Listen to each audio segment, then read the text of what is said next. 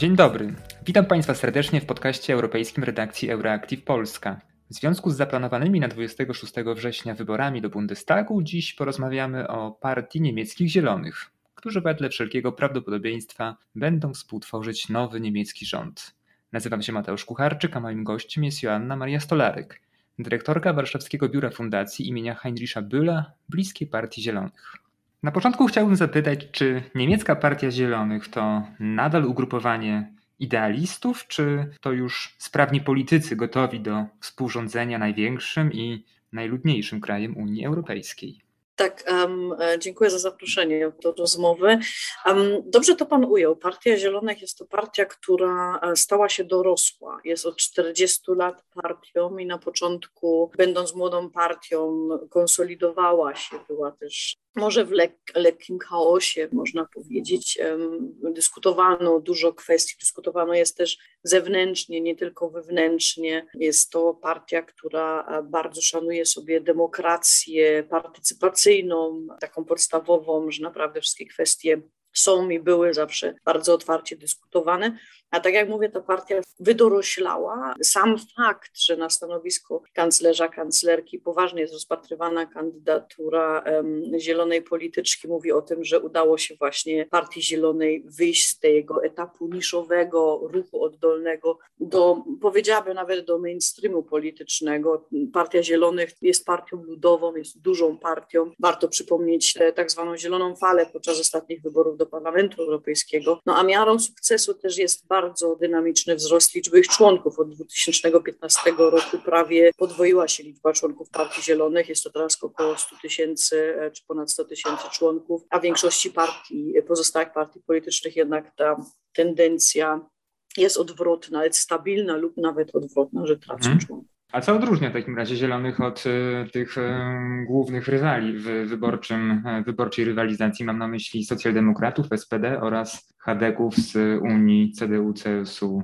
W takim bardzo dużym skrócie można powiedzieć, że jest to partia, której udało się przez to, że jest to partia dość młoda, dynamiczna, ma wiele młodych członków, ma różnorodnych członków, ma różne perspektywy na to, co się wokół nas dzieje. Jest to partia, która najszybciej reaguje i ma najlepsze pomysły na zmieniający się świat wokół nas program wyborczy też Partii Zielonych. Jest to ambitny program nastawiony na przeciwdziałanie kluczowym wyzwaniom współczesności, jak na przykład kryzys demokracji liberalnej, nierówności społeczne czy zmiany klimatu, które są w DNA Partii Zielonych i e, zrobi, zrobić to w zrównoważony, inkluzyjny sposób i do tego dochodzi postrzeganie praw człowieka jako kluczowego elementu sprawowania władzy zarówno wewnątrz kraju, jak i w polityce zewnętrznej. Tutaj um, prawa człowieka e, też jeżeli chodzi na przykład o prawa mniejszości seksualnych czy prawa kobiet. Mhm. Proszę powiedzieć, bo e, jeszcze na koniec wiosny, wiosną tego roku Zieloni w niektórych sondażach nawet przewodzili, mieli bodajże 25-26%, ale y, ostatnie tygodnie są o wiele słabsze pod tym względem. E, na czele sondaży znalazło się SPD, a jeszcze w międzyczasie byli HDC. E, tak się zastanawiam, czy coś się wydarzyło znaczącego w trakcie tych kilku ostatnich tygodni, czy kampania Zielonych potoczyła się w złym kierunku, czy być może jakieś inne kwestie zadecydowały o tym, że no jednak mniej e, Niemców deklaruje chęć poparcia w najbliższych niedzielnych wyborach właśnie tę partię.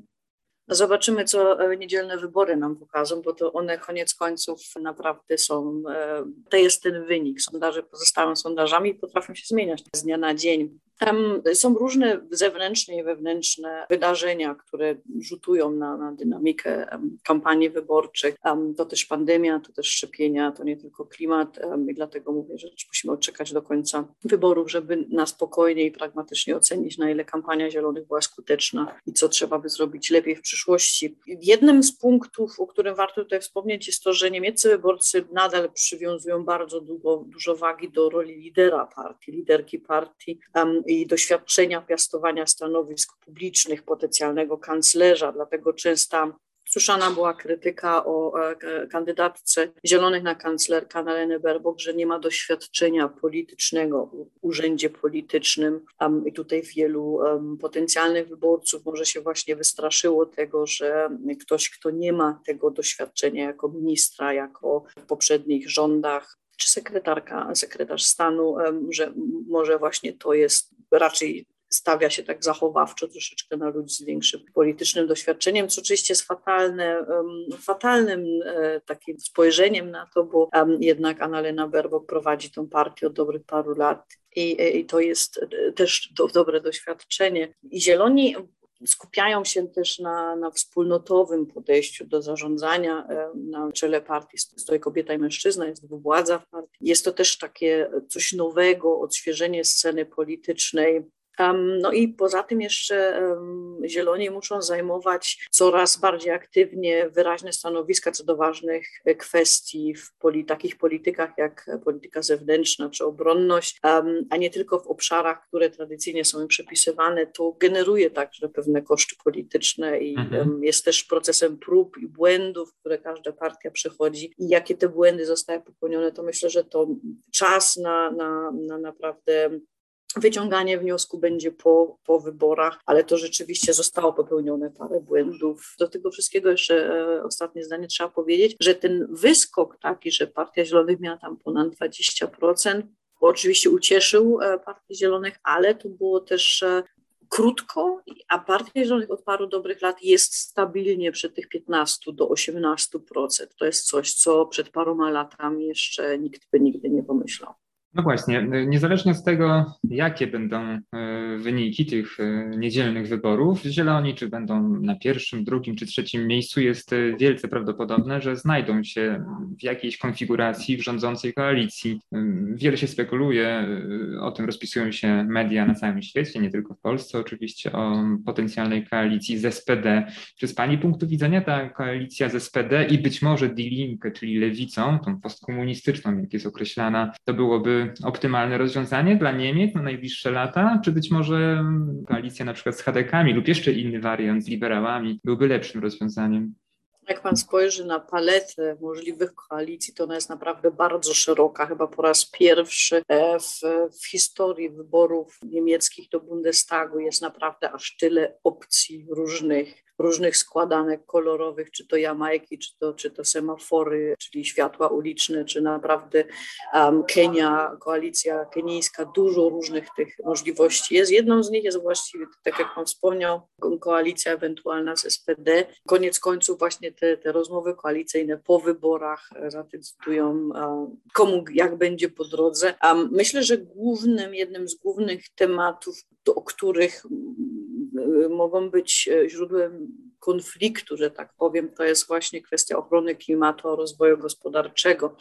Wydaje się, że partie jak SPD czy partie chadeckie mają tu bardziej takie zachowawcze podejście, że są mniej skłonne uwzględnić ambitne cele i bardziej e, wskazują na, na założenia tych ambitnych celów klimatycznych, że szkodzą one niemieckiej gospodarce, co nie musi być tak, bo akurat Partia Zielona mówi, że um, można rozwijać niemiecką gospodarkę, cyfryzując ją, stawiając na innowacje. Tutaj myślę, że może być właśnie między tym zachowawczym e, podejściem do tematu, a tym progresywnym agresywnym Partii Zielonych tutaj może być źródło jakiegoś konfliktu, co może być w koalicji obu nie po drodze.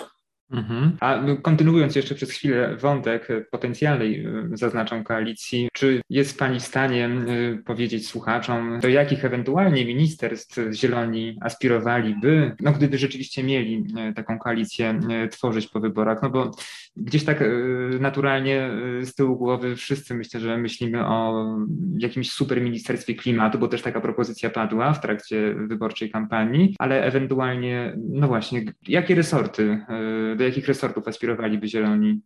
To tak jak Pan wspomniał, Super Ministerstwo Klimatu było tematem i jest nadal, myślę, że tematem e, powiązane z Ministerstwem Gospodarki. Mhm. Tutaj e, byłoby, żeby nie myśleć tą, e, bo czasami to jest taki błąd też w myśleniu, dzieląc, zapobiegamy katastrofie klimatycznej, a z drugiej strony mamy gospodarkę i to są jakby dwie odrębne gałęzie, one nie są odrębne, one wchodzą w siebie, przeplatają się między sobą i nie da się robić, zapobiegać zmianom klimatycznym bez zreformowania gospodarki gospodarki i bez społeczeństwa, które, które musi być, które musi jakby być za tą zmianą i też trzeba popatrzeć, żeby to była sprawiedliwa transformacja, żeby nie, nie pozostawiać ludzi samych sobie, że nie wiem, zamykamy kopalnie i radźcie sobie sami. No, tak, tak nie można. To e, jednak trzeba popatrzeć, żeby to przebiegało w miarę szybko, ale też w miarę sprawiedliwie. Myślę, że z jednym z ministerstw, które, e, które interesuje też Zielonych jest Ministerstwo Finansów Zobaczymy, czy to jest możliwe, jeżeli Zieloni dostaną odpowiednią ilość głosów i będą do rządu, żeby to ministerstwo, tą tekę ministerialną mogli dostać. O tym mówił współprzewodniczący Zielonych Robert Habeck, że byłoby to coś, że Zieloni chcieli mieć też wpływ na to, na co idą pieniądze niemieckich podatników, gdzie one są, jaki część przemysłu jest na przykład wspomagana, jaka część nie, czy odchodzimy od przemysłu ciężkiego, idziemy w kierunku na przykład przemysłu i tak jak powiedziałam, innowacji i cyfryzacji, Tam takim jakby same przez się często rozumie, że młodszy partner koalicyjny bierze często tekę ministra spraw zagranicznych. A to w przypadku Zielonych byłoby bardzo interesujące, bo um, jeżeli byłaby to Annalena Baerbock, to byłaby to pierwsza ministra e, spraw zagranicznych Niemiec w ogóle w całej historii. No właśnie, bo 20 lat temu w tym rządzie Gerharda Schrödera ministrem spraw zagranicznych był, staje się Joszka Fischer, jeśli się nie mylę. Byłby to mm, Dokładnie. powrót i jakieś nawiązanie do, do sytuacji sprzed 20 lat. Ale mówiąc o sprawach zagranicznych, chciałbym zapytać w takim razie o te tematy, które dotyczą tego ministerstwa między innymi, to znaczy tych e, spraw e, wykraczających poza e, Niemcy, spraw, które dotyczą też Unii Europejskiej, bo ewentualne wejście zielonych do rządu no, oznaczałoby, że że być może nieco inaczej wyglądałaby europejska polityka Niemiec w różnych kwestiach. E, proszę powiedzieć, jakie Zieloni zajmują stanowisko w tych najbardziej kluczowych sprawach dotyczących Unii Europejskiej, sprawach praworządności, sprawach kontaktów z Rosją, z Chinami. No jest oczywiście wiele tematów, ale, ale gdybyśmy pokrótce e, spróbowali opowiedzieć coś na ten temat. Niemiecką scenę polityczną, jak się tak przeglądać też z zewnątrz, cechuje bardzo mocny pragmatyzm. Także ja podejrzewam, że tutaj nie będzie żadnych drastycznych ruchów też ze strony zielonych, jak na przykład um, zerwanie współpracy w NATO um, czy coś takiego. Um, to, co wyróżnia, e, myślę, że to będzie nadal wyważona polityka, ale z mocniejszym naciskiem na tematy praworządności, tak jak Pan wspomniał. Mhm. I to, co wyróżnia zielonych spośród innych sił politycznych, to jest jednoznaczny potępienie działań Rosji za wschodnią granicą Unii Europejskiej. Jest to jedyna partia w Niemczech, która jest, można praktycznie powiedzieć, antyrosyjska. To też troszeczkę przedtem mówiąc o kampanii wyborczej, było odczuć, też o tym mówiono w Niemczech całkiem otwarcie, że silna pozycja Zielonych jest niekorzystna dla takich krajów jak Rosja, która od lat ingeruje w, wyboru, w wybory w kluczowych dla siebie państwa, na przykład szerząc dezinformację, targetując polityków, którzy mhm. są z ich perspektywy niekorzystni. Na przykład Russia Today e, w Niemczech ma się bardzo dobrze jako medium i jest dla wielu ludzi zaufanych źródłem informacji. Wracając właśnie do tego, do, do, do zielonych, właśnie e, tutaj myślę, że kwestie naruszenia praw człowieka, na przykład obecna sytuacja w Białorusi, e, Rosji, na okupowanym Krymie, granicy e, białoruskiej z Unią, czyli z Polską, czy z Litwą, czy temat bezpieczeństwa energetycznego, że to będzie traktowane priorytetowo i myślę, że na przykład w kwestii takich projektów jak rozwijanie autonomii strategicznej Unii Europejskiej w obszarze bezpieczeństwa, że tutaj będzie też mocne poparcie zielonych, bo tak jak mówię, ta partia pozostaje partią idealistów, to trzeba podkreślić, ale pragmatycznych idealistów, e, którzy się nauczyli, że Widać to dość mocno w landzie badań Wittenbergi, gdzie szefem landu jest Winfried Kretschmann, który jest bardzo pragmatycznym, zielonym, zielonym dinozaurem praktycznie można powiedzieć, który wie, że polityka jest też sztuką kompromisu, to nie znaczy, że zapomina się o swoich ideałach, ale czasami warto je dopasować i na tym etapie jest teraz Partia Zielona. Nie można sobie wyobrazić sytuacji, w której e, politycy zielonych w Bundestagu podniosą rękę za wysłaniem e, żołnierzy Bundeswehry w jakieś zapalne miejsce, tak jak to było w 1999 roku w przypadku Kosowa i, i Jugosławii oczywiście. To było tak dokładnie jak, tak jak pan mówi, to już była ta sytuacja, już miało miejsce. To trzeba, trzeba na to, trzeba odczekać, jak to będzie rzeczywiście. Pragmatyzm z jednej strony, z drugiej strony, co mnie zaskakuje w kampanii wyborczej, teraźniejszej kampanii wyborczej wszystkich partii niemieckich, mhm. też w tak zwanych trielach, to są takie, że spotkania trzech, tych dwóch kandydatów na kanclerza i kandydatki na kanclerza. Nie ma praktycznie tematów polityki zagranicznej, polityki europejskiej, polityki bezpieczeństwa bardzo skoncentrowana jest ta kampania na wewnętrznej polityce Niemiec. I to mnie osobiście zaskakuje, bo wyzwania, przed którymi stoimy, to naprawdę to są wyzwania nie dotyczące już tylko jednego kraju, nawet już nie jednego kontynentu, a wyzwania geopolityczne, które na nas czekają. I mhm. Także to jest, zobaczymy, jak, jak tak to się odniesie później do, do rzeczywistych rządów po 26 września. Y, to może jeszcze pytanie o Warszawę, to znaczy stosunki Berlina z Warszawą w kontekście polityki zielonych. No, gdyby oczywiście przypadło zielonym stanowisko ministry lub ministra spraw zagranicznych, jak mogłyby się te relacje układać, zwłaszcza e, biorąc pod uwagę no, te dość kontrowersyjne sprawy dotyczące na przykład praworządności, o której wspomniała Pani, że Zieloni no, będą na pewno e, zajmowali nieco ostrzejsze stanowisko niż pragmatyczni chadecy w ostatnich e, latach. Rozmawiając w Warszawie też e, z, z różnymi ludźmi, widzę taką już teraz pewną dychotomię i, i patrząc też na, na politykę zielonych, czy na, na, program wyborczy zielonych w Berlinie, w Niemczech, e, jest taka dychotomia. Z jednej strony, na przykład z polskiej strony, politycy koalicji rządzącej cieszyliby się z udziału Zielonych w rządzie ze względu na politykę wschodnią, ze względu na um, krytyczny stosunek do Rosji. Z drugiej strony e, politycy partii opozycyjnych cieszyliby się, jeżeli Zieloni weszliby do rządu niemieckiego, bo wiedzą, że wtedy nacisk Berlina na Warszawę e, w kwestiach prawa człowieka, mniejszości e, narodowych, mniejszości seksualnych, czy w kwestii podważania podstawowych zasad demokratycznych, jak niezależne media, do pewnego stopnia też ekologiczna transformacja, odejście od węgla w kierunku OZE, że to, to będą te wyzwania, które, które czeka partię Zielonych czy, czy, czy nowy rząd w Berlinie. Także widzę tu dychotomię. Z jednej strony będzie próba wciągania Polski w proces integracji, dalszy proces integracji Unii Europejskiej, bo jest to jednak kluczowy kraj dla Unii i, i, i myślę, że Zieloni będą bardzo popierać polską politykę wschodnią, bo, bo jest ona zbliżona do, do polityki wschodniej, do założeń polityki wschodniej Partii Zielonych, jak kwestia Nord Streamu, a z drugiej strony mam właśnie te wyzwania prawa człowieka, demokracja, praworządność i mhm. ekologiczna transformacja. Także to będzie bardzo ciekawy, ciekawy okres dla stosunków polsko-niemieckich, ale nie tylko,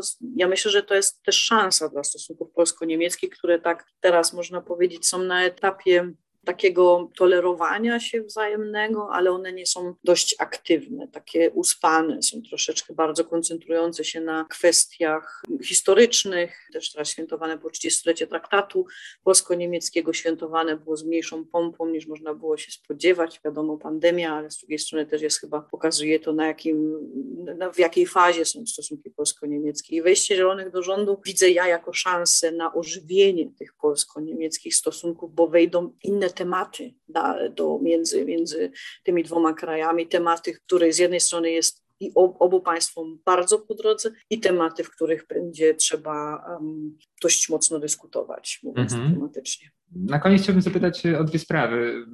Może najpierw o hadeków, to znaczy, czy podjęłaby się Pani próby jakiejś analizy tego, co się dzieje z CDU, to znaczy z ich e, dość niskimi i w zasadzie no najniższymi w historii notowaniami wedle sondaży. Oczywiście sprawa wyborów i tego, jaki wynik osiągną, to jest inna kwestia, natomiast no nie da się ukryć, że mm, po 16 latach kanclerstwa Angeli Merkel hadecy znaleźli się w ciężkim dla siebie momencie. Mm, czy to jest chwilowa e, słabość, czy, czy może znak czasów być może wyborcy jakby szukają innej oferty, a HDC nie mogą im tego zaproponować w tym momencie.